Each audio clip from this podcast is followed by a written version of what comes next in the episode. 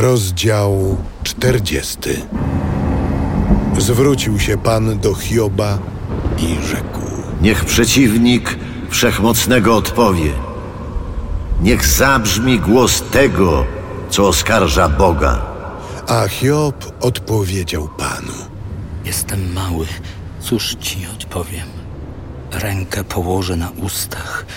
Raz przemówiłem i nie odpowiem. I drugi raz, a niczego nie dodam.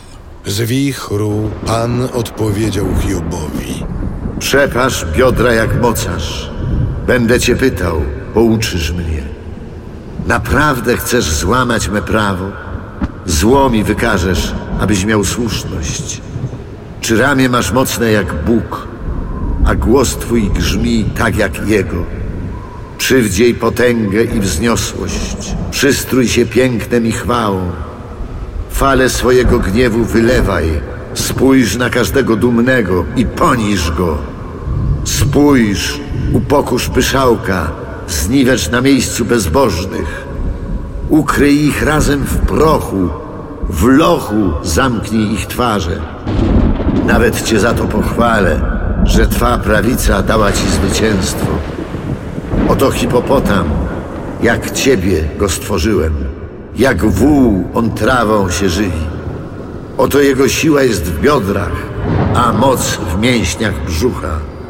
Ogonem wywija jak cedrem, ścięgna ud jego silnie powiązane. Jego kości to rury z brązu, jego nogi jak sztaby żelazne.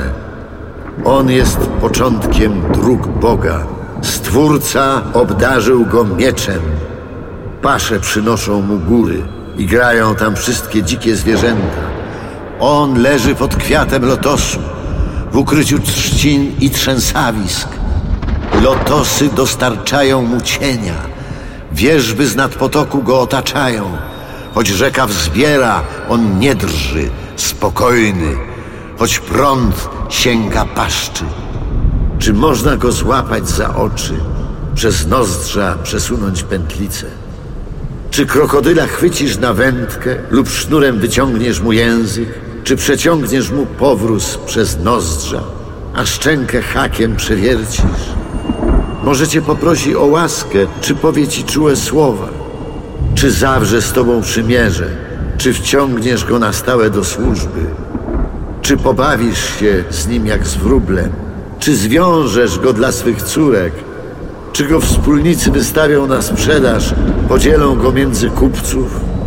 Czy podziurawisz mu skórę dzidami, a głowę harpunem na ryby? Odważ się rękę nań włożyć. Pamiętaj, nie wrócisz do walki.